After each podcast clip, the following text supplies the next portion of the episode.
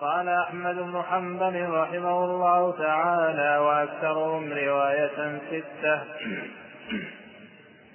أنس وجابر وابن عباس وابن عمر وأبو هريرة وعائشة رضي الله تعالى عنهم أجمعين. قلت وعبد الله بن عمرو وأبو سعيد وابن مسعود ولكنه توفي قديما ولهذا لم يعده أحمد بن حنبل في العبادلة بل قال العبادلة أربعة عبد الله بن الزبير وابن عباس وابن عمر وعبد الله بن عمرو بن العاص. يقول رحمه الله تعالى فورا قال الشافعي روى عن رسول الله صلى الله عليه وسلم ورآه من المسلمين نحو من ستين ألفا وهذا على حد علمه وما وصله وما بلغه وإلا فهم أكثر من ذلك. الصحابة أكثر من ستين ألف. قال أبو زرعة شهد معه حجة الوداع أربعون ألفا. إلى أكثر من ذلك. يزيدون على مئة ألف. ولذا يقول جابر رضي الله عنه انه ينظر مد البصر في حديث في صحيح مسلم حجة النبي عليه الصلاة والسلام بين يديه. مد البصر عن يمينه كذلك وعن شماله كذلك. من خلفه وورائه كذلك.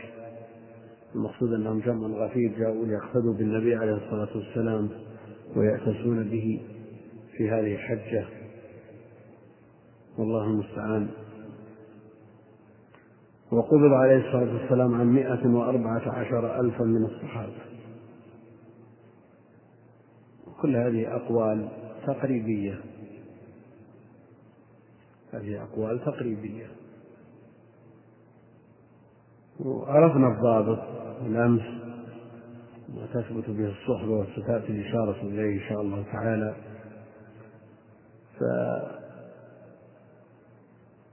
فالمتقدمون لا يهتمون بالأعداد على التحرير ولذا تجدون أقوالهم متباينة تباينا كبيرا. فمن قائل هم أربعون ألفا ومن قائل مئة وأربعة عشر ألف لأنهم ليس عندهم مصلحة إحصاء. تعد الناس فلان وفلان وفلان وفلان عنده سبعة أطفال وفلان عنده خمسة. نعم إنما هم يهتمون بما يبلغهم من الدار الآخرة. أما هذه الأمور التي تأخذ من الأوقات ما تأخذ مع أنها ترى يسير والأرزاق بيد الله والله المستعان. فالمتقدمون لا يعتنون بذكر هذه الأعداد على التحرير ولذا تجدونهم في عدد الأحاديث تتباين أقوالهم. مسند أحمد قيل أربعون ألف حديث وقيل ثلاثون ألف. فرق عشرة. آلاف واحد حديثين ثلاثة عشرة. قال زاغ البصر وما أتى الحديث لا. صحيح مسلم. قيل سبعة آلاف قيل ثمانية آلاف قيل اثنى عشرا مسألة ما يبين الفرق من شيء يسير. يقولون عن صحيح البخاري بدون تكرار أربعة آلاف وهذا شيء تواطؤوا عليه. استمروا على أنه أربعة آلاف حتى جاء ابن حجر وعده على التحرير. 2600 حديثين. أكثر من الثلث الفرق يعني في كتاب واحد. فهذه أمور لا يهتم بها المتقدمون. يهتمون بترقيم وعدد واحد اثنين عليهم وقت طويل. بدل هذا العدد يحفظون عشرات الأحاديث. هذه اهتمامات المتأخرين. هذه اهتمامات المتأخرين. أما المتقدمون فأمرهم أعلى وأسمى من هذا كله. بلغ الحد عند المتأخرين إلى أن هدت الحروف. عدت الحروف. وبالغ الترف في بعض المؤلفين من يؤلف بالحروف المهملة. يعني تقرأ الكتاب من أوله إلى آخره ما تقف ولا على نقطة. أو بالحروف المعجمة والتفاسير بالحروف المهملة لكن هل هذا هدف ينبغي لطالب الآخر أن يعتني به؟ نعم.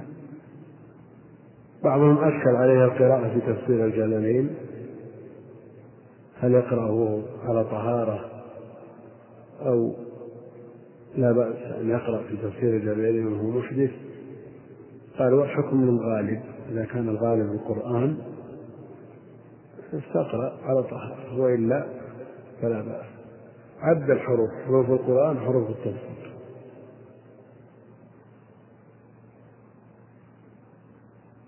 فيقول إلى سورة آخر سورة المزمل العدد واحد. تساوي. ومن سورة المدثر إلى آخر القرآن زاد التفسير قليلا على حروف القرآن. إذا يمكن أن ينكر عن أحد من المتقدمين. ما يعتمد بهذا أبدا لا من قريب ولا من بعيد. نعم؟ هو بيتوضأ مرة. يتوضأ مرة لا أنكر لكن عناية المتقدمين غيرها. طرائقهم في التأليف والتصنيف أمر سهل سمح يكتبون ما تيسر من غير مقدمات ولا عناية باصطلاحات ولا شيء. يحفظون العلم بهذه الأوراق وإلا فالأصل هي في الصدور. يحفظون في الأوراق من جاء بعدهم. ولذا اعترف عند المتأخرين في التأليف وصل إلى حد يجعل الأمور الشكلية والعناية بها أهم من المحتوى والمضمون. ولذا لا تجدون البركة في علم المتأخرين. يعني ترتيب منطقي تعريف حد لغة اصطلاحا تفسير المسألة استدلال لها ذكر قال تقدمون لا يقولون بهذا كله. أمور معروفة يحتاج إلى تعليم. نعم. الإجارة تخفى على أحد؟ نعم يذكرون له كم تعريف والأمر لا يخفى على أحد. ولذلك لو تبحثون كتب متقدمة من يعرف الإجارة. أو من يعرف البيع أو من يعرف تعريف الأمور المعروفة التي يزاولها الناس في حياتهم اليومية. هذا لا يعتني به. طالب الآخرة إلا أنه فرض نفسه يعني في بعد ذلك. صار الذي لا يعرف نقص. وقد يحتاج إليه التعريف في العصور المتأخرة لما دخل في العلم والتعلم من ليسوا بأهل. طرأ على الأفهام ما طرأ. والمناطق يقولون الحكم على الشيء فرع عن التصور لا بد من التصور. فتعرف أولا ثم تحكم. على كل حال الاستطراد سببه هذا العدد الذي ذكر من أربعين ألف إلى مئة وأربعة عشر ألف وأكثرهم رواية متفاوتون في الملازمة في الحفظ في الرواية في الضبط الاهتمام. كل له اهتمامه منهم من يهتم بالجهاد ومنهم من يهتم بالإنفاق والصدقة ومنهم من يهتم بالعبادة الخاصة ومنهم من يهتم لحفظ العلم. ولذا أكثرهم رواية ستة أنس بن مالك وجابر بن عبد الله وابن عباس الله الله بن عمر وأبو هريرة وعائشة. هؤلاء هم المكثرون الصحابة وأعداد ما رووه لا على طريق التحرير إنما من يحيط بالروايات كلها. جعلوا مسند بقي من مخرج له أوسع الأسانيد. جعلوا مقياس. فذكروا عدوا ما في ما فيه من رواية أبي هريرة 5374 قريب من هذا فهو أكثر الصحابة وحافظهم على الإطلاق.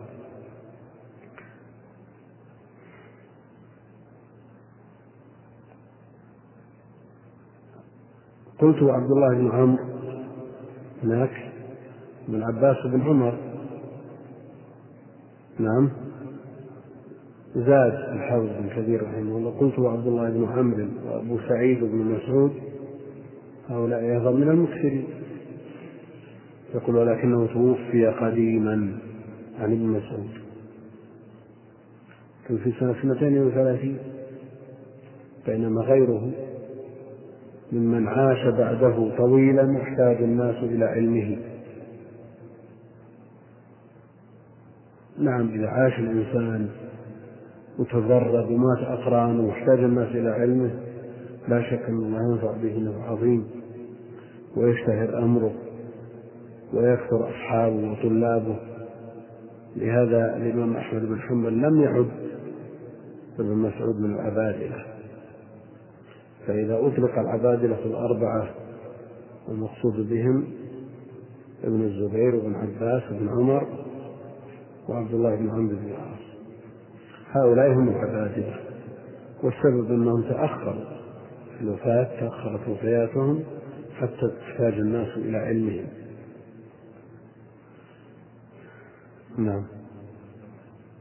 أربع وأول من أسلم من الرجال الأحرار أبو بكر أبو بكر الصديق وقيل إنه أول من أسلم مطلقا ومن الولدان علي وقيل إنه أول من أسلم مطلقا ولا دليل عليه من وجه يصح.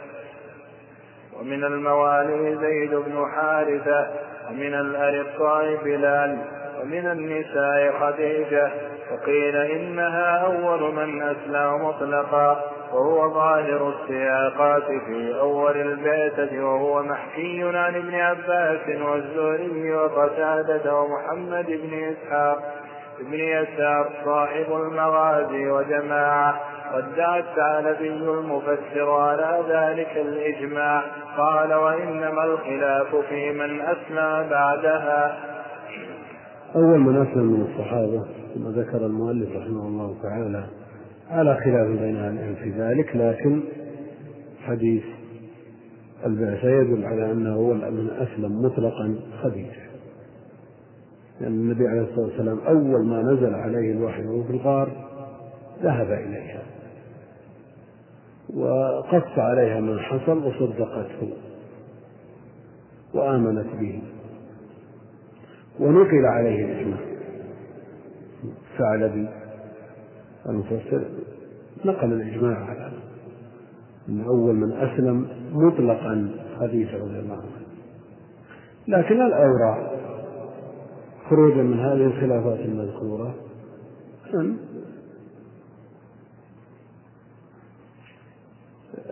تختلف الجهة. فيكون بعدة اعتبارات فيقال أول من أسلم من الرجال أبو بكر هذا لا خلاف. فإذا اختلف أهل العلم في أول من أسلم خديجة أو علي أو أبو بكر. هل يقال لمن قال إن أول من أسلم من الرجال أبو بكر؟ يقال له أخطأت؟ لا. وإذا قال أول من أسلم من الصبيان علي يقال له أخطأت؟ لا يمكن يقال له أخطأت. لا يمكن أن يورد عليها أبو بكر أو خديجة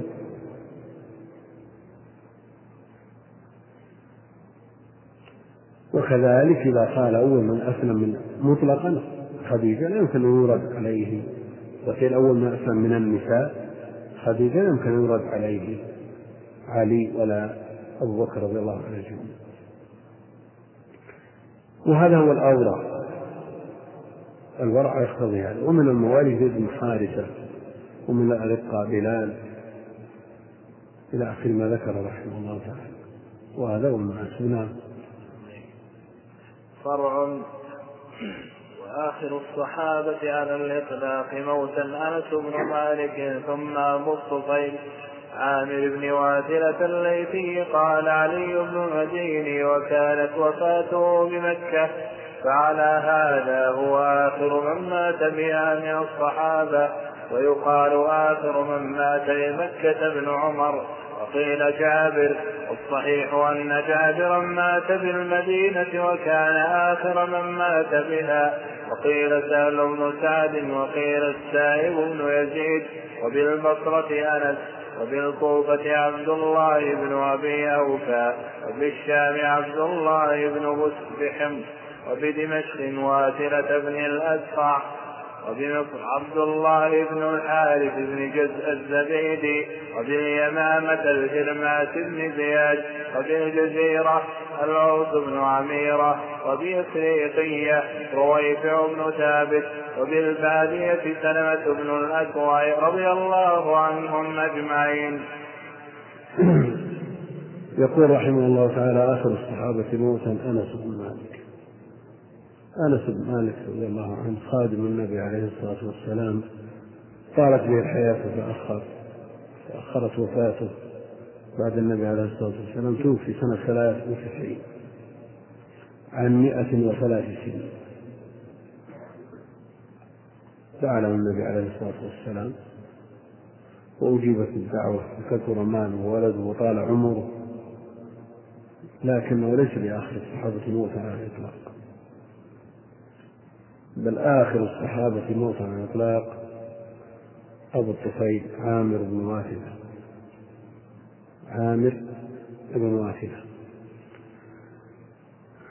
لأنه توفي سنة عشر ومائة بعد مائة سنة. بعد قرن من مقالة النبي عليه الصلاة والسلام ما من منفوسة ما من نفس منفوسة يأتي عليها مئة عام وهي على وجه الأرض من هو اليوم أحد؟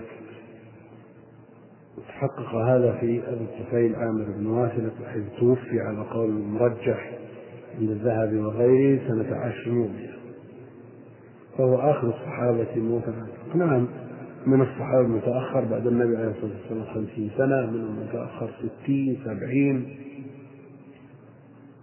تأخر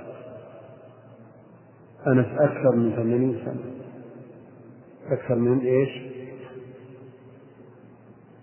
كم؟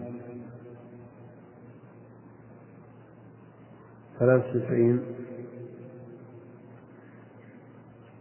ثلاث وتسعين توفي النبي عليه الصلاة والسلام في سنة 11 82 سنة وإذا أضفنا العشر التي قبل الهجرة من عمر لما جي لما شئناها إلى الثلاث والتسعين صار عمره مئة وثلاث سنين.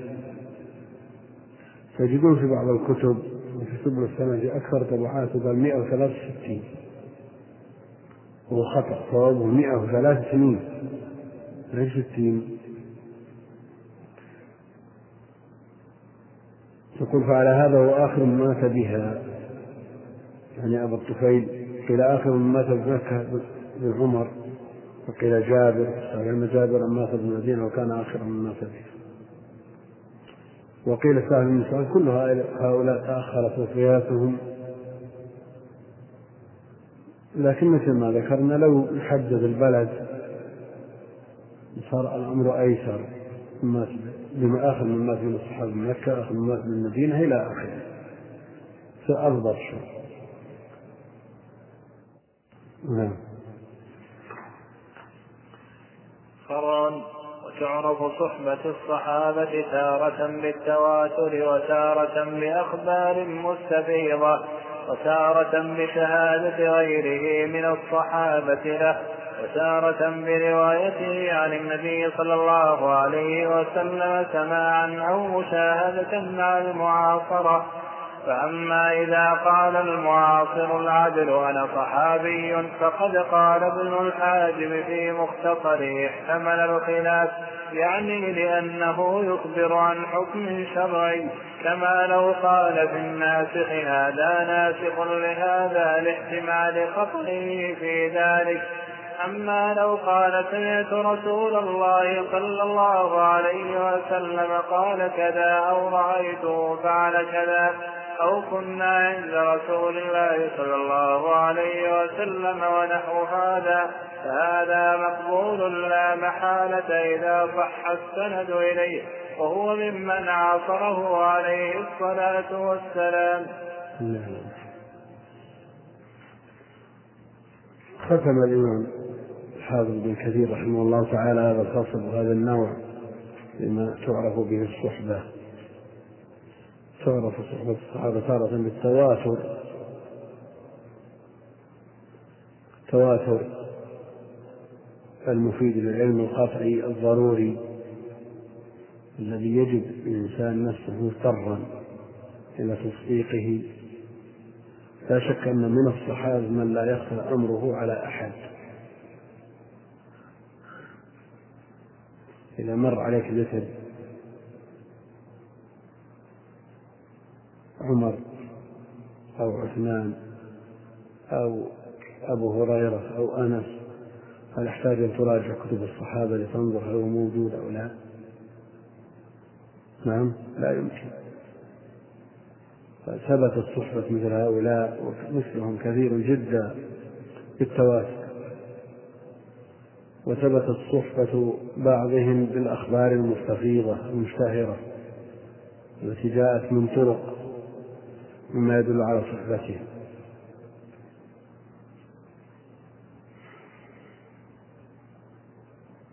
تارة بروايته عن النبي عليه الصلاة والسلام تارة بشهادة غيره من الصحابة. إذا شهد له صحابي تقدم أن الصحابة كلهم كلهم عدول. أخبارهم مقبولة. فإذا أخبر صحابي عن شخص بأنه صحابي قبل قوله. لأن هذا خبر وليس بشهادة. ويقبل خبر واحد عند جماهير أهل العلم لأنه لأن هذا مما يختلف به تختلف بالرواية عن الشهادة. الرواية يكفي فيها الواحد. ولو كان عبدا أو امرأة. بخلاف الشهادة. فلا بد فيها من اثنين ولا تدخل شهادة المرأة ولا تقبل شهادة العبد في كثير من الأبواب. وتارة بروايته عن النبي عليه الصلاة والسلام سماعا ومشاهدة مع المعاصي إذا وصف النبي عليه الصلاة والسلام دل على أنه رآه. إذا صرح بأنه سمع النبي عليه الصلاة والسلام دل على أنه لقيه. فأما إذا قال المعاصر عدل أنا صحابي أخبر عن نفسي والمسألة مفترضة في رجل ثقة مع إمكان قبول الدعوة.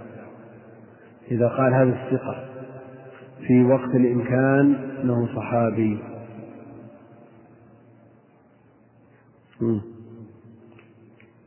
فهذا يخبر عن حكم شرعي كأنه ينقل خبر.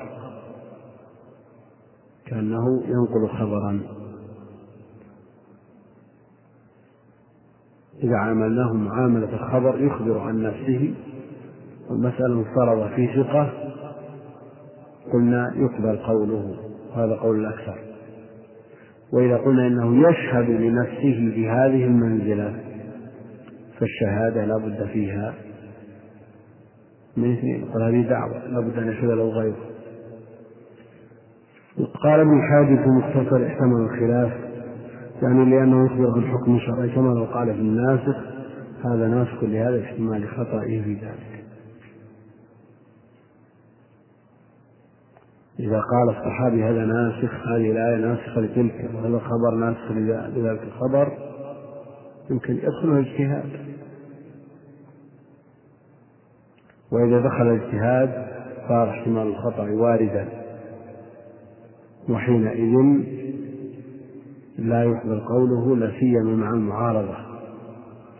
أما لو قال سمعت رسول الله صلى الله عليه وسلم قال كذا أو رأيته فعل كذا أو كنا عند رسول الله صلى الله عليه وسلم هذا فهو مقبول لا محالة. إذا صح السند إليه وهو من عاصره عليه الصلاة والسلام. وعرفنا أنه لا بد من أن يكون الوقت ممكن. أما إذا ادعى الصحبة وهو مولود بعد سنة 110 أو بعد أو ممن وفاته بعد 110 أو هو موجود بعد سنة 110 غير ممكن. فإذا قال شخص سنة 150 هو صحابي ادعى الصحبة يقول كذبت لأن النبي عليه الصلاة والسلام أخبر بالحديث الصحيح أنه لا يبقى بعده بعد مئة سنة أحد منه على وجه الأرض. فكيف يصدق من ادعى ذلك بعد الستمائة نعم. هذا أشرنا إليه سابقا رسم الهندي بعد الستمائة قالوا صحابي. صدقه كما هي جمع غفير من الناس من أوباش الناس والمساكين. صدقوه.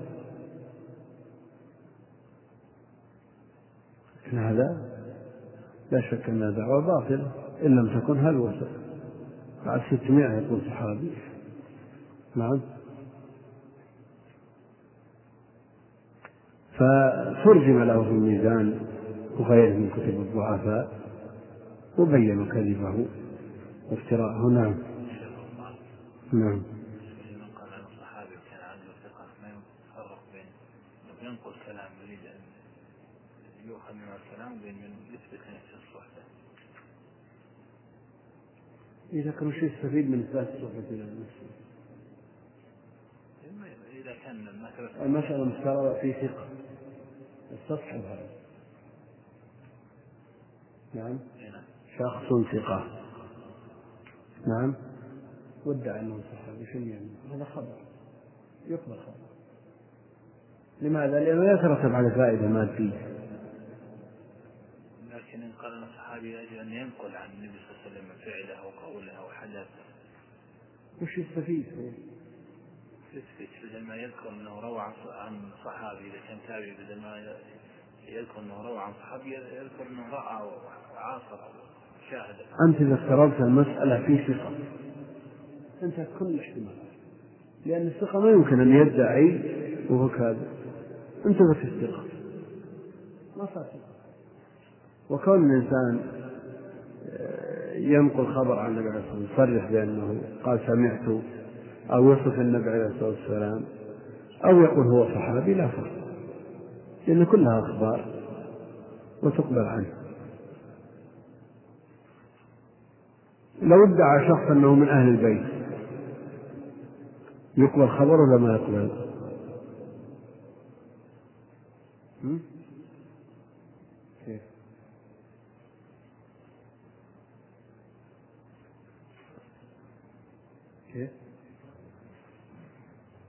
له يمكن يصدق من وجه الكذب. يحرم من الزكاة ولا يعطى من الزكاة حتى يأتي ببينة. نعم. من هذا بإقراره. يسقط حقه من الزكاة بإقراره. نعم. وأما الفيء لا بد فيه من بينة. يأتي ببينة لكن لو استفاض عن شخص أنه من أهل البيت فنفى أنه يقبل قوله ولا يقبل. استفاض بين الناس أنه من أهل البيت. عكس ما لا يعطى من الزكاة إلا بالبين أنه ليس من أهل البيت وبالنسبة هو أخرج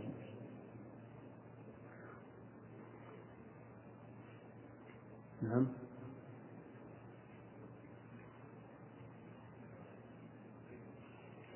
نعم.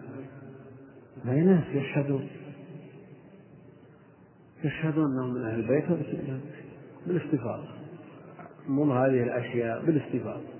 يعني لو جاء الشخص يقول شهد لي ابن فلان. وأنت من طلعت ان هذا فلان ابن فلان تشهد. لكن أنت حضرت العملية التي بواسطتها وجد هذا الشخص ما في أحد حاضر. اذا في مثل هذه الأمور استفهم فيها بالاتفاق النوع الموفي أربعين معرفة التابعي قال الخطيب البغدادي التابعي من صحب الصحابي وفي كلام الحاكم ما يقتضي إطلاق التابعي على من لقي الصحابي وروى عنه وإن لم يصحبه. قلت ولم يكتفوا بمجرد رؤيته الصحابي كما اكتفوا في إطلاق اسم الصحابي على من رآه عليه الصلاة والسلام. والفرق عظمة شرف رؤيته صلى الله عليه وسلم. وقد قسم الحاكم طبقات التابعين إلى خمس عشرة طبقة. فذكر أن أعلاهم من روى عن العشرة وذكر منهم سعيد بن المسيب سعيد بن المسيب رضي الله عنه وقيس بن أبي حازم وقيس بن عباد وأبا عثمان النهدي وأبا وائل وأبا رجاء العطاردي وأبا ساسان حطين بن المنذر وغيره وغيرهم وعليه في هذا وغيرهم وعليه في هذا الكلام دخل كثير. فقد قيل إنه لم يروي عن العشرة من التابعين سوى قيس بن أبي حازم قاله ابن قراش. وقال أبو بكر بن أبي داود لم يسمع من عبد الرحمن بن عوف والله أعلم. وأما سعيد بن المسيب فلم يدرك الصديق قولا واحدا لأنه ولد في خلافة عمر لسنتين مضتا أو بقيتا ولهذا اختلف في سماعه من عمر. قال الحاكم أدرك عمر فمن بعده من العشرة؟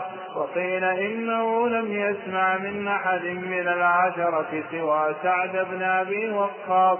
وكان آخرهم وفاة والله أعلم. قال الحاكم وبين هؤلاء التابعين الذين ولدوا في حياة النبي صلى الله عليه وسلم من أبناء الصحابة عبد الله بن أبي طلحة وأبي أمامة أسعد بن سعد بن حنيف وأبي إدريس الخولاني. قلت وأما عبد الله بن أبي طلحة فلما ولد ذهب به أخوه لأمي أنس بن مالك إلى رسول الله صلى الله عليه وسلم. فحنكه وبرك عليه وسماه عبد الله.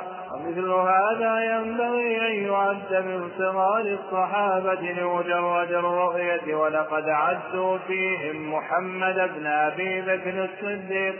وإنما ولد عند الشجرة وقت الإحرام بحجة الوداع فلم يدرك من حياته صلى الله عليه وسلم إلا نحوا من مئة يوم ولم يذكر أنه أحضر عند النبي لم يذكروا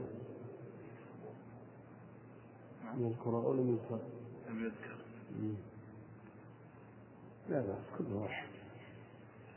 ولم يذكر أنه أحضر عند النبي صلى الله عليه وسلم ولا رآه فعبد الله بن أبي طلحة أولى أن يعد في صغار الصحابة من محمد بن أبي بكر والله أعلم.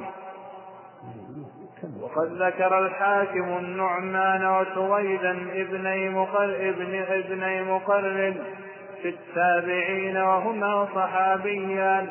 وأما المخضرمون وهم الذين أسلموا في حياة رسول الله صلى الله عليه وسلم ولم يروه والخضرمة القطع فكأنهم قطعوا عن نظائره عن نظرائهم من الصحابة.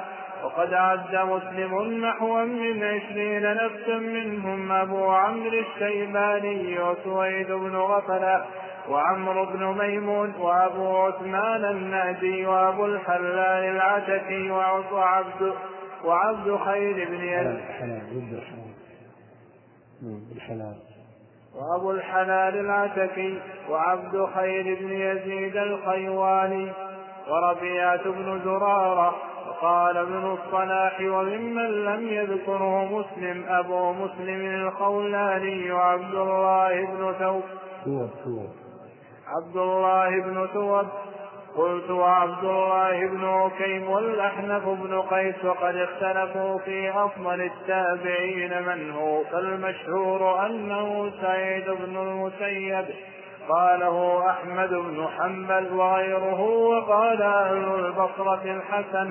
وقال أهل الكوفة علقمة والأسود. وقال بعضهم أويس القرني. وقال بعض أهل مكة عطاء بن أبي رباح وسيدات النساء من التابعين حفصة بنت سيرين وعمرة بنت عبد الرحمن وأم الدرداء الصغرى رضي الله عنهم أجمعين.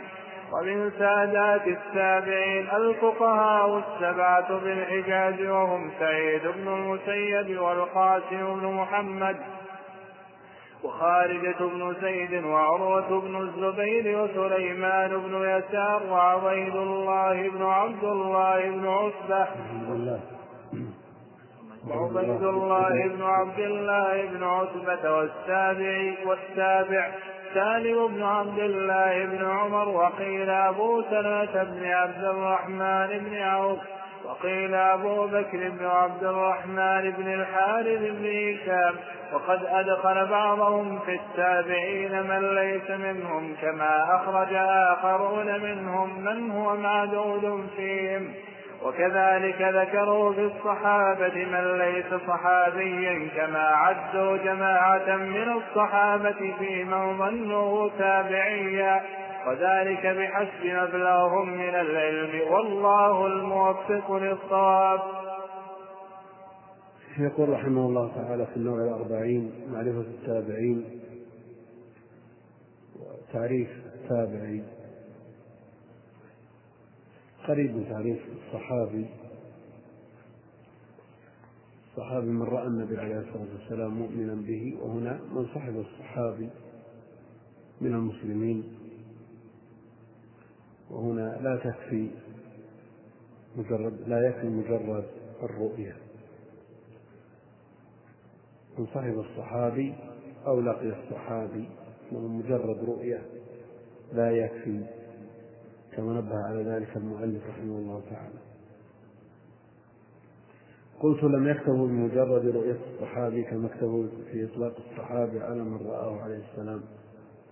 يقول الفرق في ذلك عظمة وشرف رؤيته عليه الصلاة والسلام عن تثبت فيه الصحبة. لأهمية هذا الوصف وميزة هذا النعت الصحبة اكتفوا فيه بالرؤية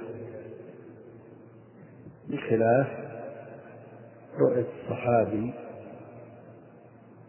فإنها إذا كان مجرد رؤية يسير لمحة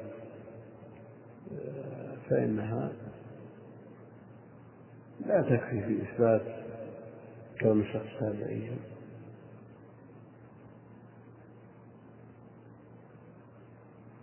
على أن هذا لا أثر له في الواقع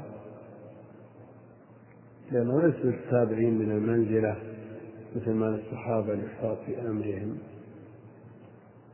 تابعون مثل غيرهم. إلا أنهم في الجملة أفضل من غيرهم. لكن على سبيل الانفراد الواحد منهم أنه صاحب الصحابي وطالت صحبته لكنه ساءت سيرته. لا ينفع كونه تابعي. ولا يقال مثل هذا في الصحابة وأما بالنسبة للرواية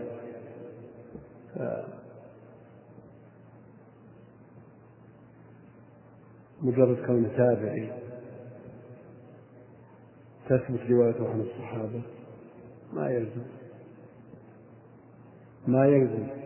نعم إن لم يوصف بالتدليس وقال عن فلان محمول على الاتصال لكن قد يعرف بالتدليس وقد رأى جمعا غفيرا من الصحابة ولا يحمل على الاتصال كمن عرف من المدلسين من التابعين كالحسن وغيره.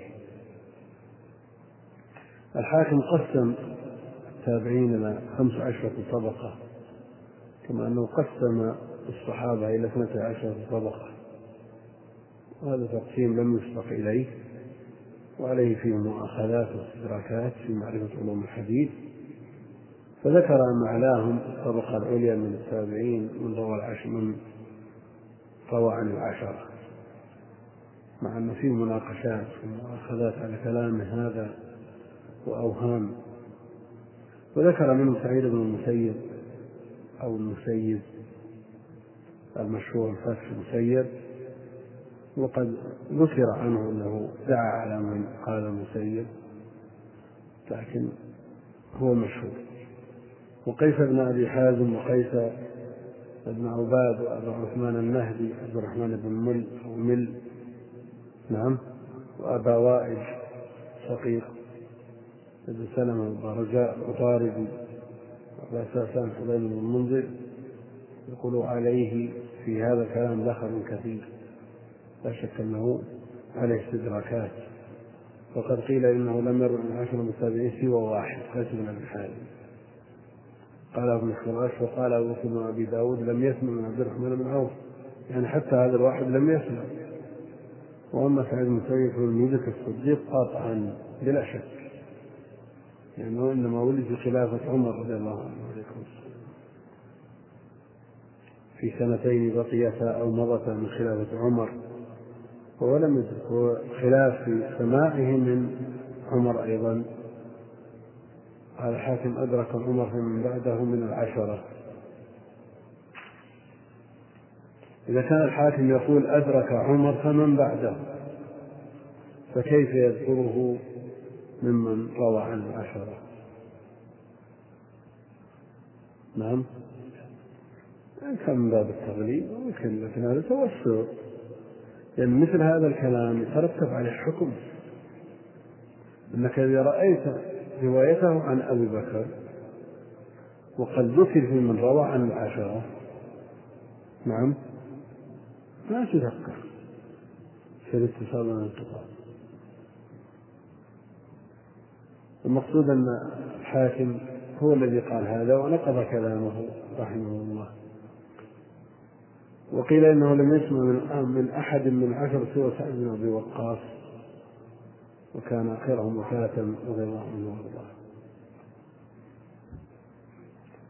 قال الحاكم بين هؤلاء التابعين الذين ولدوا في حياة النبي عليه الصلاة والسلام من أبناء الصحابة كعبد الله بن أبي طلحة يعني جعله في التابعين مع أنه جيء به إلى النبي عليه الصلاة والسلام حنكه. وأبي أمامة أسعد وسالم بن حنيف وأبي إدريس الخولاني أبو إدريس الخولاني ما رأى النبي عليه الصلاة والسلام لكنه مخضرم. أدرك زمن النبي عليه الصلاة والسلام لكنه ما رأى قلت أما عبد الله بن أبي طلحة فلما ولد ذهب به أخوه لأم أنس بن مالك إلى رسول الله صلى الله عليه وسلم فحنكه وبرك عليه. دعا له بالبركة. سماه عبد الله مثل هذا ينبغي أن يعد من صغر الصحابة. هو أولى بالذكر من محمد بن أبي بكر. الذي ولد في المحرم. في حجة الوداع. في آخر سنة عشر. قبل وفاة النبي عليه الصلاة والسلام بثلاثة أشهر. مع أنه عده بعضهم في الصحابة. وينبغي أن لا يعد لأنه لم يذكر أنه رأى النبي عليه الصلاة والسلام ولا رآه النبي عليه الصلاة والسلام. نعم قرب أبي بكر من النبي عليه الصلاة والسلام. يجعل هناك غلبة ظن أن الرسول عليه الصلاة والسلام رآه لكن سيرته ليست حميدة هو معروف سيرة محمد بن بكر ليست حميدة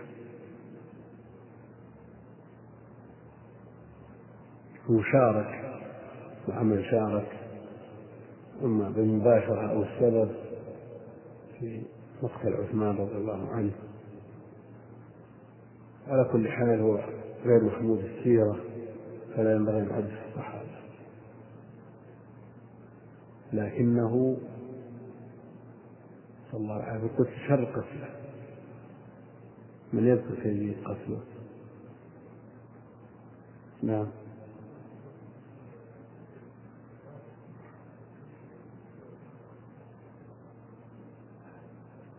أي نعم. أحرق في جرس على كل حال أفضى إلى ما قدم لكن عبد الله بن أبي طلحة أولى منه. في الصحبة.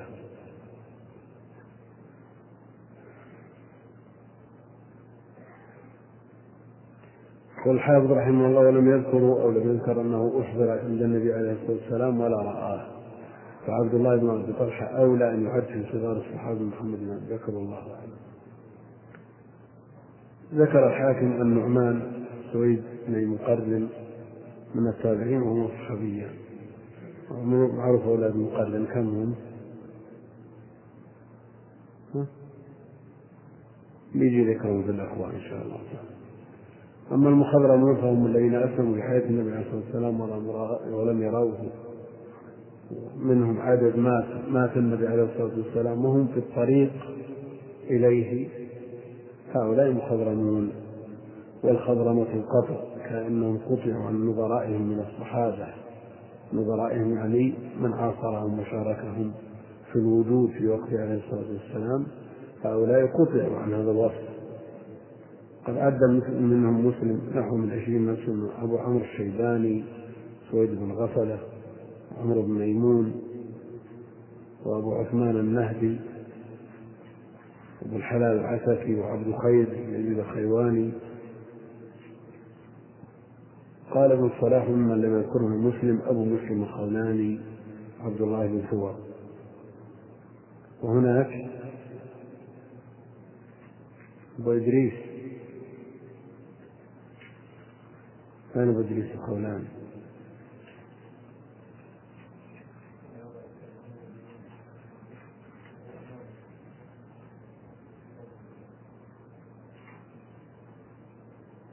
نعم.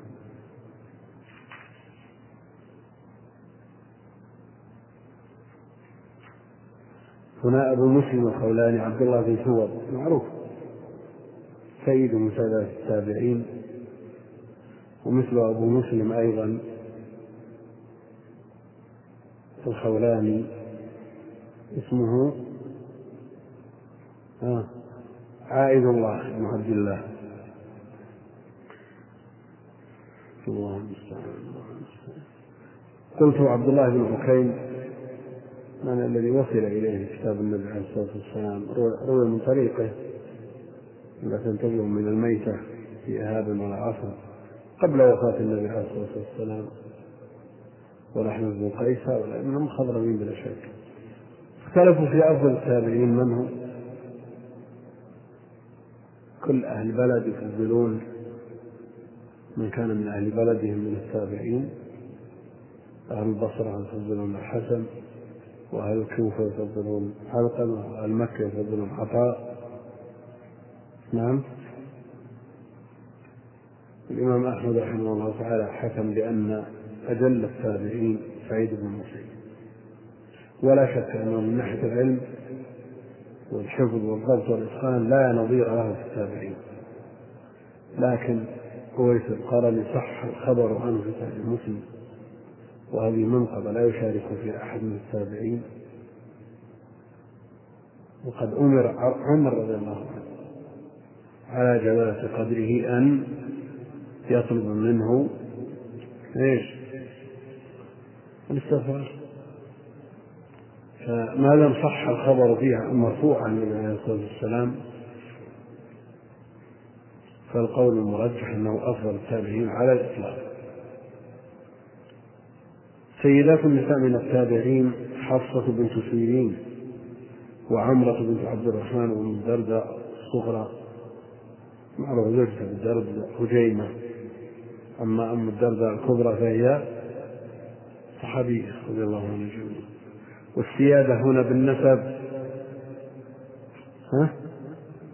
حفصة بنت سيرين. سيرين. مولى من سبعين التمر. نعم. ابن سيد محمد من سادات التابعين وبنت حفصة سيدة من سادات التابعين. لكنه الدين. من عمل به ساد. ومن تركه وتمكب عنه ضاع. ولو كان من أشراف الناس. ولو كان من علية القوم. لسفل الدين وتضييعه. الله المستعان. من سادات التابعين الفقهاء السبعة للحجاز وسعيد بن سيد وقاسم محمد إلى آخره. ومات جلهم في سنة الفقهاء سنة أربعين وتسعين.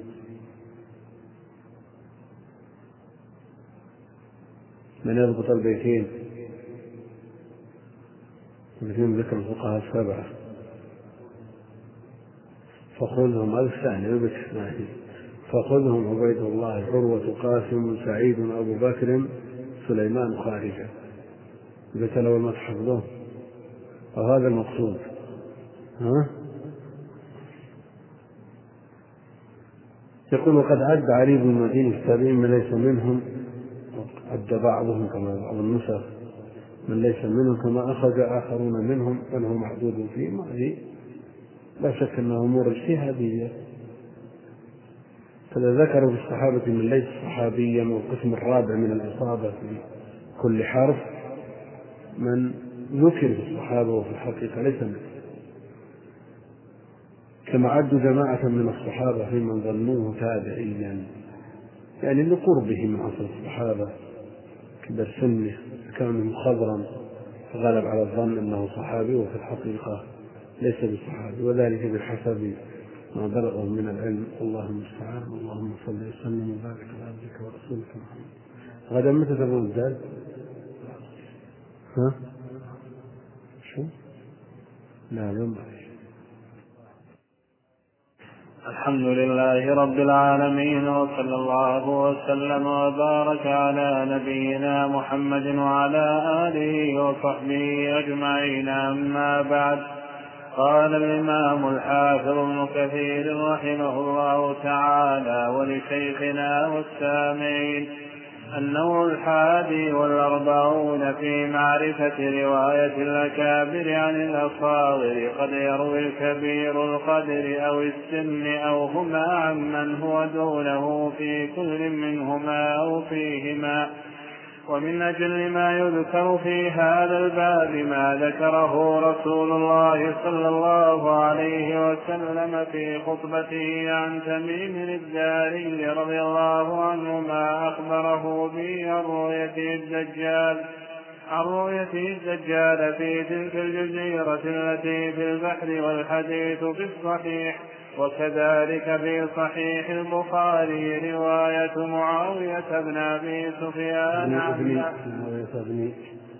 رواية معاوية بن أبي سفيان عن عن مالك بن يخامر عن معاذ وهو بالشام في حديث لا في حديث لا تزال وهم وهم بالشام في حديث لا تزال طائفة من أمتي ظاهرين على الحق حتى الحديث قال ابن الصلاح وقد روى العبادلة عن كعب الأحبار قلت وقد حكى عنه عمر وعلي وأبو هريرة وجماعة من الصحابة.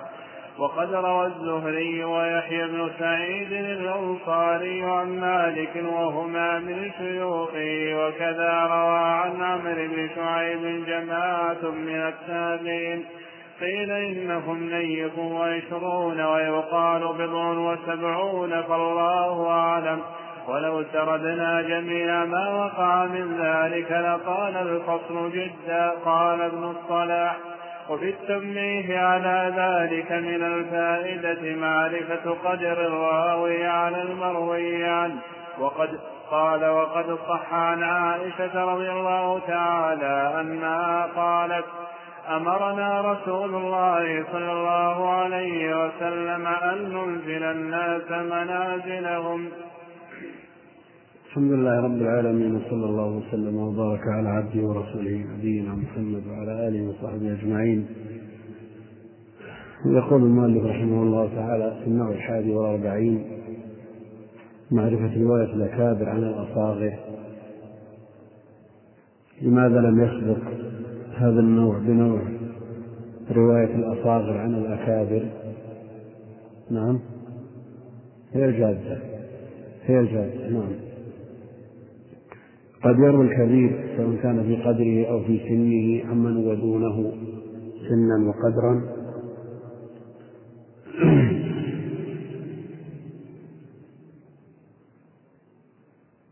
من أجل يقول الحافظ رحمه الله تعالى من أجل ما يذكر في هذا الباب ما ذكره رسول الله صلى الله عليه وسلم النبي عليه الصلاة والسلام أشرف الخلق يروي عن تميم الداري قصة الجساسة. قصة الجساس المخرجة في صحيح مسلم وهي صحيحة. وإن قال بعض حكم عليها بعضهم الشذوذ والنكارة لكن لا وجه للحكم. لأنها مخرجة في الصحيح النبي عليه الصلاة والسلام يروي عن تميم وهو أجل قدرا منه بلا إشكال. فالنبي عليه الصلاة والسلام أكبر قدرا من تميم كما أنه أكبر سنا. فهذا من أشرف ما يذكر وأجل ما يذكر في هذا الباب. ولا شك أن مثل هذا مزيد فضل في تميم الداري الذي روى عنه النبي عليه الصلاة والسلام. ولذا من فائدة هذا الباب الذي هو على خلاف الأصل. الأصل أن يروي الصغير عن الكبير. فإذا روى الكبير عن الصغير دل على أن لهذا الصغير مزية بحيث يتحمل عنه العلم وهو صغير من قبل من هو أكبر منه. ومن الأمثلة الظاهرة أيضا وهي موجودة رواية الصحابي عن التابعي وصار الصحابي أجل قدرا. رواية التابعي الكبير عن التابعي الذي دونه في السن وهذا كثير. فصالح بن كيسان روايته عن ابن شهاب كثيرة جدا وهو أكبر منه بكثير. لكنه العلم ليست فيه محاباة من حمله بحقه وعمل به فاد غيره وفاد قومه وغيرهم. فينبغي أن يحمل عن أهل العلم العاملين به وإن كانوا صغارا في السن. وقد مثل بين يدي الإمام مالك ولما تجاوز العشرين من عمره أئمة كبار. يقول كذلك في صحيح البخاري رواية معاذ بن أبي سفيان والصحابي كما هو معروف عن مالك بن الخامر وهو تابعي عن معاذ. صحابي عن تابعي عن صحابي. وهم بالشام حديث لا تزال في حديث لا تزال طائفة أمتي ظاهرين على الحق. وقد روى العبادلة عن كعب الأحبار وتقدم ذكرهم. ابن الزبير ابن عمر بن عمرو ابن عباس عبادلة الأربعة. بن الزبير بن عمر عبد الله بن عمرو بن العاص وعبد الله بن عباس وليس بن مسعود منهم.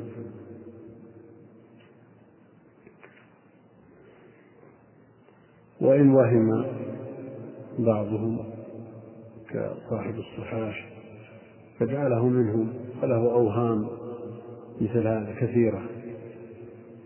وقد حكى عنه عن كعب الأحبار عمر هذا في قدره في تقدم سنه وكعب تابعي حكما كما حكى عنه علي وهريرة وجمع من الصحابة يحكون عنه ما في كتب أهل الكتاب لأنهم من أحبار بني إسرائيل فلما أسلم حمل عنه الناس. ما أمر النبي عليه الصلاة والسلام بالحديث به وقال حدثوا عن بني إسرائيل ولا حرج. والأخبار التي تتلقى عن أهل الكتاب إن جاء في شرعنا ما يؤيدها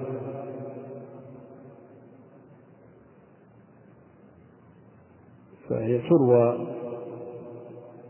كما تروى أخبار العالم وعبر الأمم الماضية ولا يعتمد عليها لأن في شرعنا ما يغني عنها لكن في أخبارهم الأعاجيب كما جاء في رواية البزار.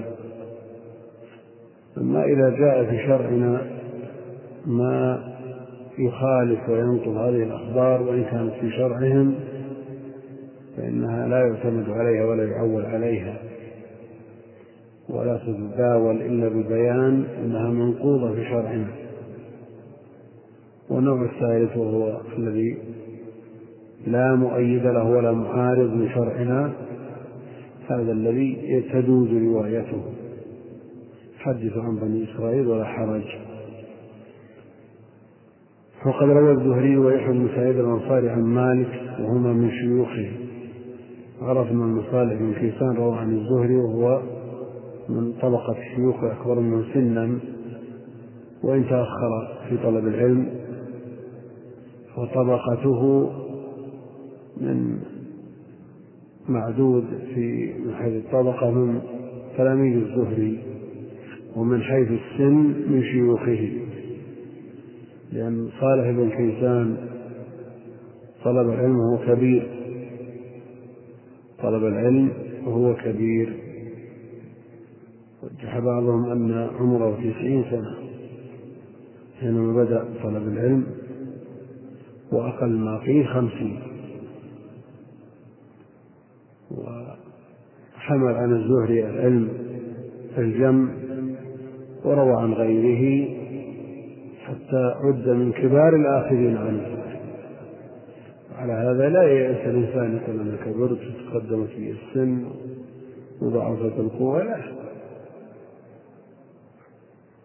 مقصود أن تموت وأنت طالب علم. تملك بخير. وأن تقصد مجالس الذكر ومجالس العلم.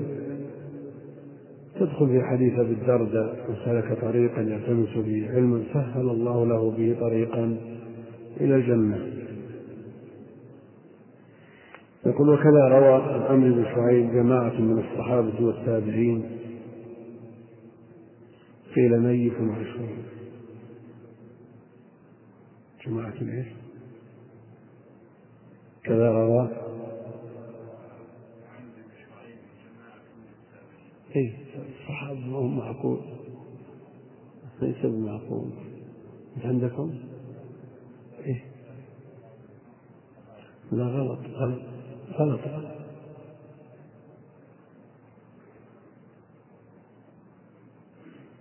لا يمكن أن يروي عنه أحد من الصحابة. نعم من التابعين. قيل نيف وعشرون ويقال بضع وسبعون. والله أعلم سار بنا جميعا وقع من ذلك لطال الفصل جدا. لماذا يطول الفصل في فرد رواية الأكابر عن الأصاغر؟ لأن الهدف عند المتقدمين تحصيل العلم. ولا يلقون بالا لمن يأخذ عنه إذا كان أهلا بأن يؤخذ عنه العلم ويتحمل عنه العلم سواء كبر بسنه أو صغر. لا يأنفون أن يروا عن الصغير.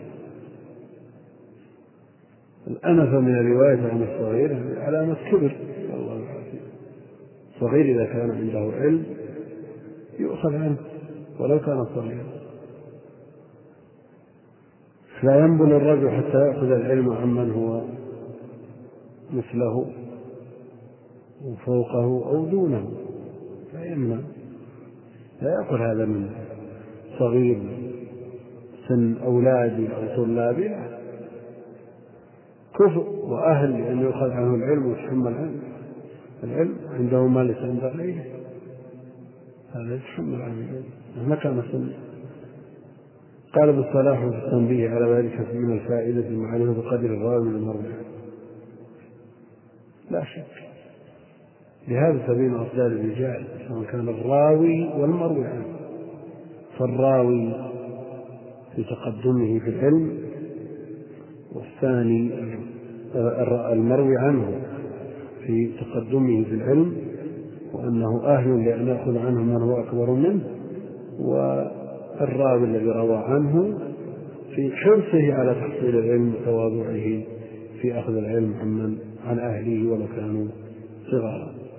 قال وقد صح عن عائشة رضي الله عنها أنها قالت أمرنا رسول الله صلى الله عليه وسلم أن ننزل الناس منازل مقدمة الصحيح مسلم. معلق. عن عائشة أمرنا أن ننزل الناس منازلهم في السنن.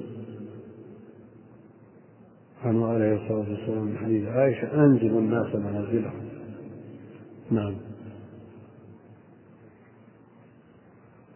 نعم. حديث صحيح نعم. إيه. يدخل. أكابر. كبير القدر جمعه أكابر. فيدخل رواية الأكابر والصغار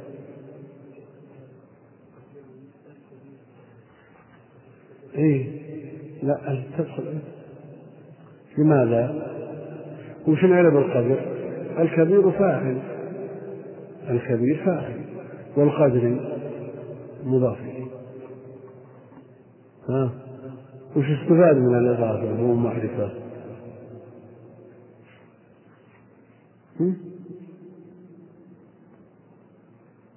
والمقيم الصلاة.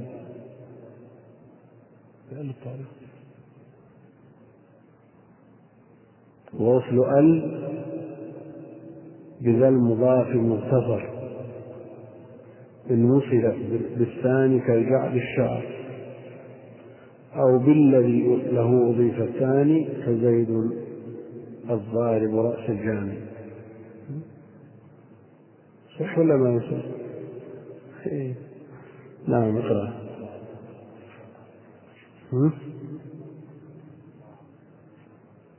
هو هو معلق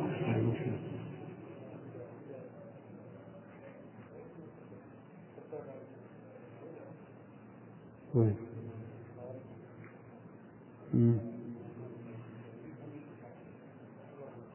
اي لك مهم مهم تركوا لأن لف أمرنا غير أنزل الناس منازلهم هذا بطريق ولا بطريق؟ وين؟ إيه هذا معلق بالانقطاع وتلك معلقة لكنها موصولة عند غير المسلم إذا أحسن هي لا نعرف أنه ما يثبت بطرقه. ما يهزم ما يهزم ما يهزم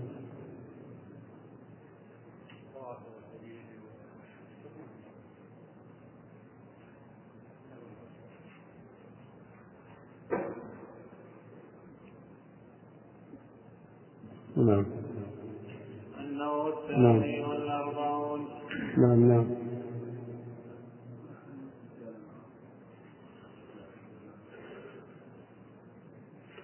في ما ما في ما يكون الدجال نعم؟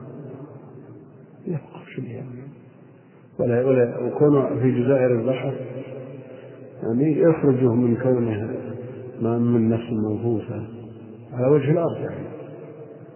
نعم. النوع الثاني والأربعون معرفة المدبج. وهو رواية الأقران سندا وهو رواية الأقران سنا وسندا. واكتفى الحاكم بالمقاربة بالسند وإن تفاوت وإن تفاوتت الأسناد.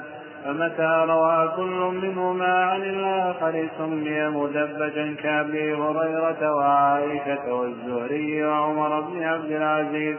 ومالك والأوزاعي وأحمد بن حنبل وعلي بن المديني. فلم فلم فما لم يروي كل عن الآخر لا يسمى مدبجا والله أعلم. نعم. مدبج. عندنا رواية الأقران. رواية الأقران يروي الشخص عن زميله هذه رواية الأقران. صحابي عن صحابي. تابعي كبير عن تابعي كبير. تابعي صغير عن تابعي صغير وهكذا هذه رواية الأقران فإن روى الثاني عن الأول أيضا سمي مدبجا إذا روى زيد عن عمرو وهما متقاربان في السن طبقة والإسناد والأخ.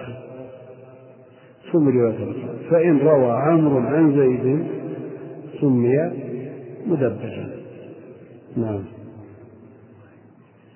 النوع الثالث والأربعون معرفة الإخوة والأخوات من الرواة وقد صنف في ذلك جماعة منهم علي بن المديني وأبو عبد الرحمن النسائي. فمن أمثلة الأخوين عبد الله بن مسعود وأخوه عتبة وأمر بن العاص وأخوه هشام وزيد بن ثابت وأخوه يزيد ومن التابع ومن التابعين عمرو بن شرحبيل وأبو ميسرة وأخوه أرقم كلاهما من أصحاب مسعود ومن أصحابه أيضا وزيد بن شرحبيل وأخوه أرقم ثلاثة إخوة سهل وعباد وعثمان بنو بنو حنيف. بنو حنيف عمرو بن شعيب وأخواه عمر وشعيب وعبد الرحمن بن زيد بن أسلم وأخواه أسامة وعبد الله أربعة إخوة سهيل بن أبي صالح وإخوته عبد الله الذي يقال له عباد ومحمد وصالح خمسة إخوة سفيان بن عيينة وإخوته الأربعة إبراهيم وآدم وعمران ومحمد. قال الحاكم سمعت الحافظ أبا علي الحسين بن علي يعني النيسابوري يقول كلهم حدثوا ستة إخوة وهم محمد بن سيرين وإخوته أنس ومعبد ويحيى وحفصة وكريمة كذا ذكره النسائي ويحيى بن معين أيضا. ولم يذكر الحافظ أبو علي النيسابوري فيهم كريمة فعلى هذا يكونون من القسم الذي قبله.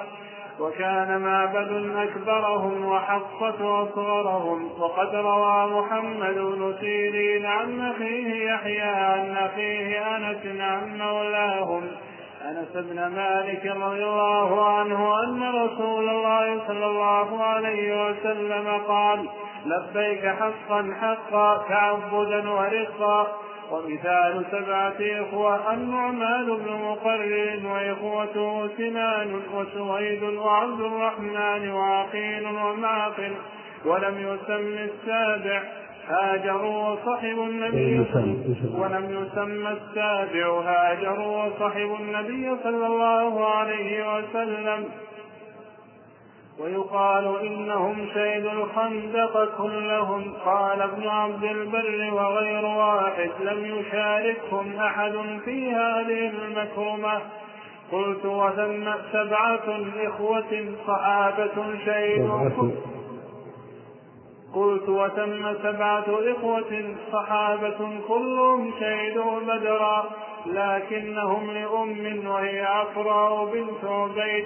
تزوجت أولا بالحارث بن رفاعة الأنصاري فأولدها معاذا ومعولا ثم تزوجت بعد طلاقها لها بالبكير بن عبد ياليل بن ناشف فأولدها إياسا وخالدا وعاقلا وعامرا ثم عادت إلى الحارث فأولدها عوفا فأربعة منهم أشقاء.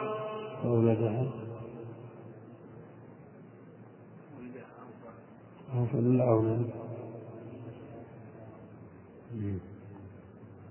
طيب.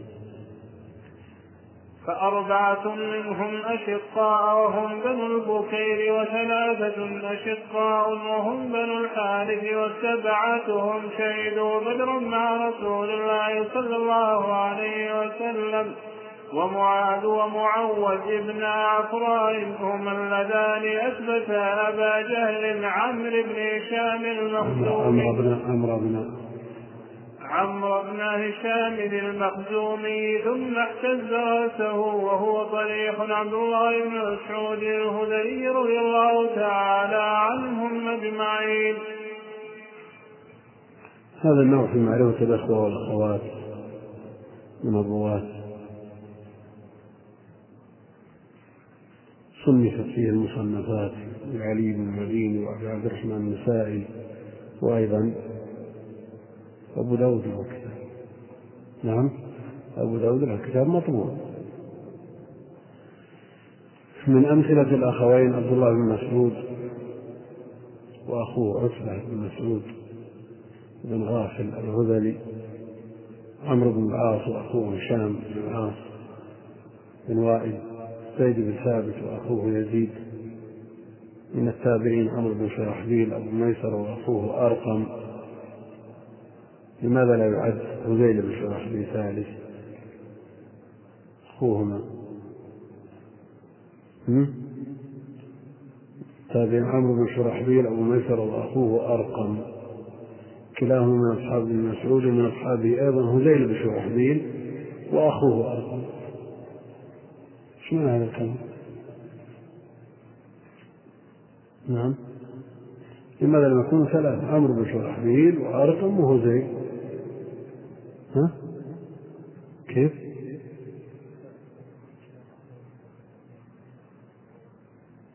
من الأخوة ها؟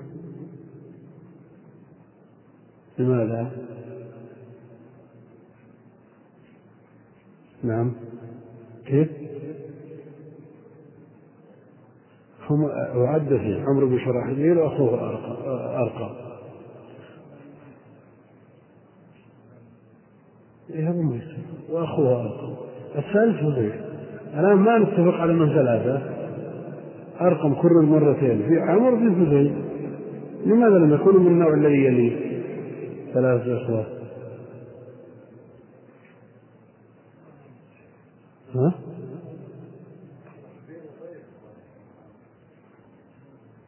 لا كلهم شرحبيل كلهم عيال شرحبيل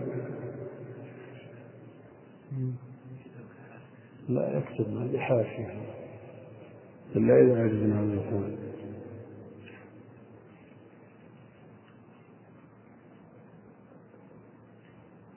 لماذا لا يكون من الذي يلي المثال الذي ثلاثة أخوة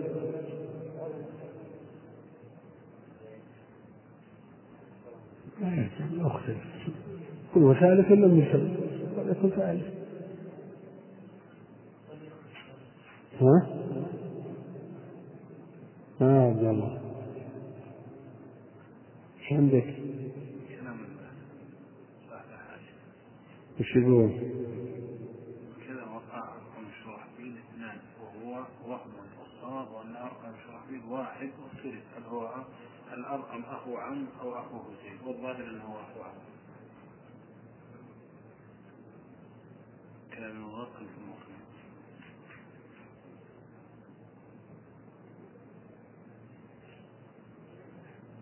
كيف؟ لا يقول أرقم أخ لأحدهم. وهو مكرر ما هو كل الاثنين؟ نعم. هو أخ لأحدهما هل هو أخ لعمر أو أخ لهزيل فهو مثنى على كل تقدير إن كان أخ لعامر فهو ليس بأخ لهزيل نعم. هو ليس بأخ له. نعم. لكن إذا شككنا في أرقام هل يمكن أن نشك في عمرو بن شرحبيل وهذيل بن شرحبيل أنهما أخوان؟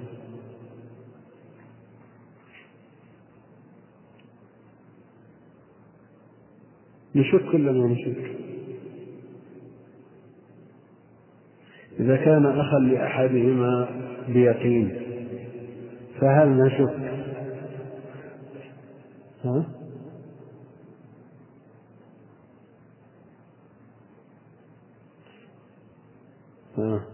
إذا قلنا أرقم واحد وهو أخ لأحدهما بيقين والثاني مشكوك فيه إذا الأول مع الثالث مشكوك فيه في أخوته له.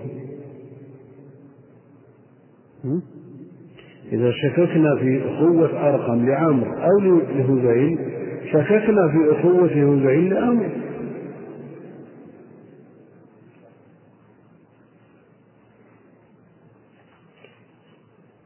ثلاثة إخوة سهل وعباد وعثمان بن حنيف عمرو بن شعيب وأخواه عمر بن شعيب الرحمن بن زيد وأخواه أسامة وعبد الله زيد بن أسلم.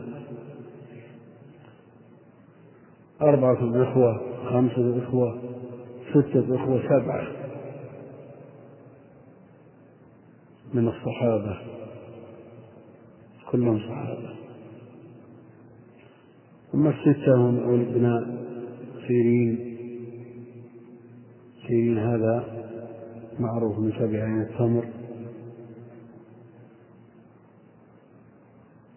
صار مولى لأنس. أنس ومعبد ويحيى وحفصة وكريمة. أربعة إخوة وأختان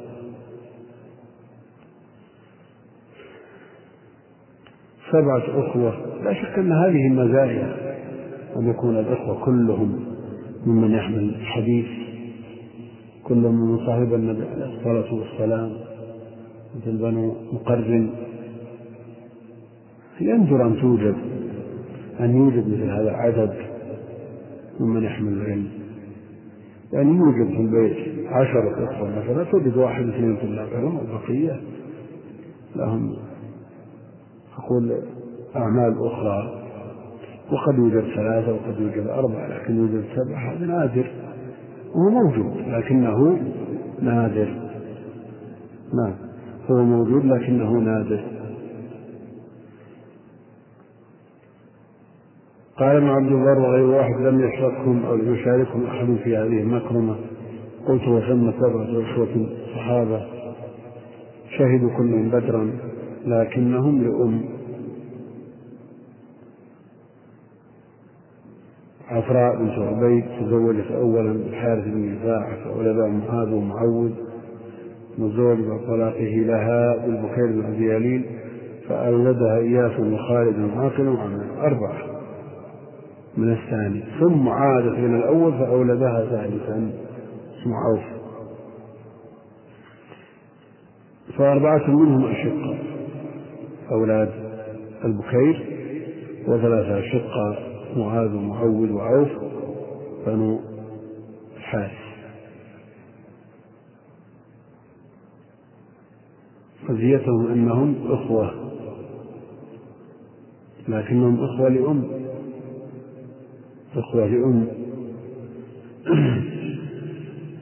سبعة شهدوا بدرا مع رسول الله صلى الله عليه وسلم ومعاذ ومعوذ بن بن عفرة هم اللذان أثبتا أبا جهل عمرو بن هشام المخزومي جهل معروف. ثم جاء ابن مسعود وهو طريش فرقي على صدري واحتز رأسه. رضي الله عنهم أجمعين. نعم. موضوعات موضوعات الصغير نعم. النوع الرابع والأربعون معرفة رواية الآباء عن الأبناء. وقد صنف فيه الخطيب البغدادي كتابا وقد ذكر الشيخ أبو الفرج بن الجوزي رحمه الله في بعض كتبه أن أبا بكر الصديق رضي الله عنه روى عن ابنته عائشة رضي الله عنها وروت عنها أمها أم رومان أيضا. قال روى العباس عن ابنيه عبد الله والفضل قال وروى سليمان بن طرخان التيمي عن ابنه المعتمر بن سليمان وروى أبو داود عن ابنه أبي بكر بن أبي داود وقال الشيخ أبو عمرو بن الصلاح وروى سفيان بن عيينة عن وائل بن داود عن ابنه عن ابنه بكر بن وائل عن الزهري عن سعيد بن المسيب. عن سعيد بن المسيب عن أبي هريرة رضي الله تعالى عنه قال قال رسول الله صلى الله عليه وسلم أخروا الأحمال فإن اليد مغلقة فإن اليد مغلقة والرجل موثقة قال الخطيب لا يعلى لا يعرف هذا يعرف إلا من هذا الوجه. قال وروى أبو عمر حفص بن عمر الدر قال وروى أبو عمر حفص بن عمر الدوري الدوري الدوري. الدوري المقري عن ابنه أبي جعفر محمد ستة عشر حديثا أو نحوها وذلك أكثر ما وقع من رواية أب عن ابنه ثم روى الشيخ أبو عمرو عن أبي المظفر عبد الرحيم بن الحافظ أبي سعد عن أبيه عن ابن أبي المظفر بسنده عن أبي أمامة مرفوعا. احضروا موائدكم البقل فإنها مطردة للشيطان. فإنه فإنه مطردة للشيطان مع التسمية. سكت عليه الشيخ عمرو وقد ذكره أبو الفرج بن الجوزي في الموضوعات وأخلق به أن يكون كذلك. ثم قال ابن الصلاح وأما الحديث الذي رويناه عن أبي بكر الصديق عن عائشة رضي عن عائشة رضي الله تعالى عنهما عن رسول الله صلى الله عليه وسلم أنه قال في الحبة السوداء شفاء من كل داء فهو غلط إنما رواه أبو بكر بن عبد الله بن أبي عتيق محمد بن عبد الرحمن بن أبي بكر الصديق عن عائشة قال ولا نعرف أربعة من الصحابة على نسق سوى هؤلاء محمد بن عبد الرحمن ابن أبي بكر بن أبي قحافة رضي الله عنهم وكذا قال ابن الجوزي وغير واحد من الأئمة. قلت ويلتحق بهم تقريبا عبد الله بن الزبير أمه أسماء بنت أبي بكر بن أبي قحافة وهو أسن وأشهر بالصحابة من محمد بن عبد الرحمن بن أبي بكر والله أعلم. قال ابن الجوزي وقد روى حمزة والعباس رضي الله عنهما عن ابني أخيه عن ابن عن ابن أخيهما رسول الله صلى الله عليه وسلم. وروى مصعب الزبيري عن ابن أخيه الزبير بن بكار الزبير بن بكار وإسحاق بن حنبل عن ابن أخيه أحمد بن محمد بن حنبل. وروى مالك عن ابن أخته إسماعيل بن عبد الله بن أبي ويس هذا النوع فيما رواية الآباء عن الأبناء. رواية الآباء عن الأبناء. وهو داخل إلا أنه أخص في رواية الأكابر عن الأصابع. يدخل ولا ما يدخل؟ ولا احتمال أن يكون. ها؟ كيف؟ يدخل لكن أفرد العناية به ولماذا لم يذكر رواية الأبناء عن الآباء؟ ها؟ ها؟ لكنه ذكر ما هم مثل رواية الأصاغر عن الأكابر هذا ما يحتاج إلى ذكر والرواة كلهم على هذا لكن رواية الأبناء عن الآباء ذكر. بتجي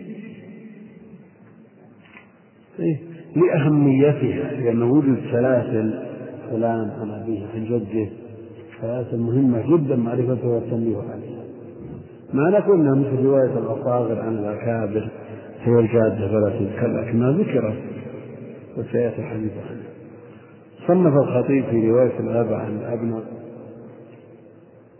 قد ذكر الشيخ أبو فرج في بعض كتب أن أبا بكر الصديق روى عن ابنته عائشة. وسيأتي أنه غلط. روت عنها أمها أم رومان.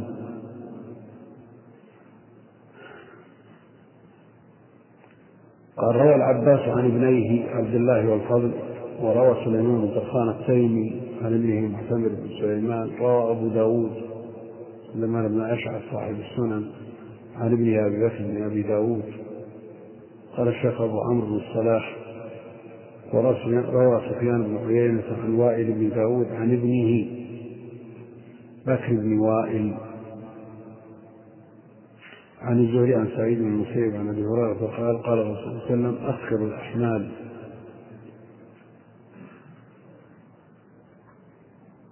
أخر الأحمال فإن اليد مغلقة والرجل موثقة. كأنه رأى بعيرا عليه حمل ثقيل وقد قدم هذا الحمل فصار على اليدين.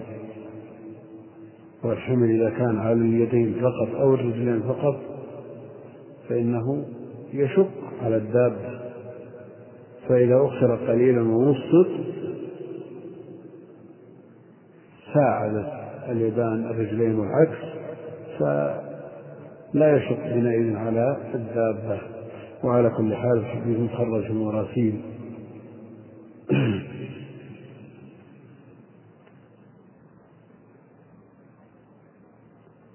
قال وروى أبو عمر أبو, أبو عمر حفص بن عمر الدوري المنكر عن ابنه أبي جعفر محمد ستة عشر حديثا ونحوها. وذلك أكثر ما وقع من رواية أب عن ابنه لكن رواية الابناء على الآباء صحائف على ما سيأتي. فيها أحاديث.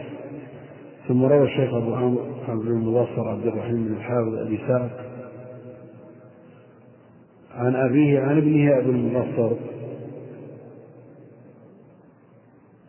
مبصر السماني وهو معروف. بسند عن أبي هريرة مرفوعا أحضر موعدكم البخل فإنها مضربه الشيطان مع تسميه وقد سكت عليه الشيخ أبو عمرو. ولا ينبغي له أن يسكت لأن هذا الحديث موضوع. يذكرون الأمثلة تحقق فيه انطبق فيه المثال لكن ما وراء هذا المثال؟ كون خبر موضوع لا ينبغي الاعتناء به إنما يذكر للتنبيه عليه. يذكر للتنبيه عليه. ولا بد من التنبيه على ذكر خبر موضوع ومثله الضعيف وقد كانوا في السابق يذكرون الإسناد ويبرؤون من العهدة. لكن في العصور المتأخرة لا يكفي ذكر الإسناد بل لا بد من التنصيص على وضعه. ولو قيل إنه لا يكفي أن يقال موضوع بل لا بد أن تفسر كلمة موضوع لأن كثير من الناس ما يفهم إيش معنى الموضوع. مكذوب على النبي عليه الصلاة والسلام. زور وبهتان لم يقله النبي عليه الصلاة والسلام. وذكرنا مرارا حافظ العراقي سئل عن حديث فقال لا اغفر له باطل مكذوب برى له شخص من العجم ينتسب إلى العلم فقال يا شيخ كيف تقول موضوع مكذوب؟ كيف تقول مكذوب؟ وهو مروي بالسند إلى النبي عليه الصلاة والسلام. فأحذره من كتاب الموضوعات تعجب من كونه لا يعرف موضوع الموضوع. على هذا الذي يخاطب عوام الناس لا بد أن يبين لهم بالأسلوب الذي يفهمونه ولا أن يكون موضوع يمكن تصور العامة لما كلمة موضوع شيء عظيم فوق صحيح مثلا. نعم وما يفيك العامة ما يفهم مثل هذا بل لابد أن يبين لهم أن هذا مكذوب ما قاله النبي عليه الصلاة والسلام. ثم قال المصطلح أما الحديث الذي رويناه عن أبي بكر الصديق عن عائشة عن رسول الله صلى الله عليه وسلم أنه قال الحبة السوداء شفاء من كل داء. هذا الحديث الصحيح صحيح البخاري لكن الراوي أبو بكر ليس المراد به الصديق وإنما هو حفيد ابنه عبد الرحمن. حفيد ابنه هو حفيد ابنه عبد الرحمن. إنما هو أبو بكر عبد الله بن أبي عتيق محمد بن عبد الرحمن بن أبي بكر الصديق عن عائشة. وعلى هذا يصلح مثال ولا ما يصلح؟ لا يصلح مثال قال ولا نعرف أربعة من الصحابة على نسق سوى هؤلاء. من أربعة من الصحابة متوالدون على نسق. محمد بن عبد الرحمن بن أبي بكر ابن أبي قحافة رضي الله عنهم. كذلك قال ابن الجوزي وغير واحد من الأئمة. هذا من حيث توالد من جهة الأب. أما من جهة الأم فعبد الله بن الزبير كذلك بل أولى أنت يلتحق بهم تقريبا عبد الله بن الزبير. هو صحابي وأمه أسماء صحابية وجده. من؟ لا ما والده ما والده جده أبو بكر صحابي وأبو قحافة صحابي. يقول هو أسن وأشهر الصحابة محمد بن عبد الرحمن بن بكر والله أعلم. قال ابن جوزي قد روى حمزة بن العباس عن ابن أخيه صلى الله عليه وسلم وعم الرجل صنو أبيه يعني مثل أبيه. فإذا روى العم فكأن الأب قد رواه. وروى مصعب بن الزبير عن ابن أخيه الزبير بن بكار وعمه. الراوي عم المروي عنه إسحاق بن حنبل عن ابن أخيه الإمام أحمد بن حنبل وعمه. روى مالك عن ابن أخته إسماعيل عبد الله بن أبي الويس ويكون خاله الإمام مالك والجادة.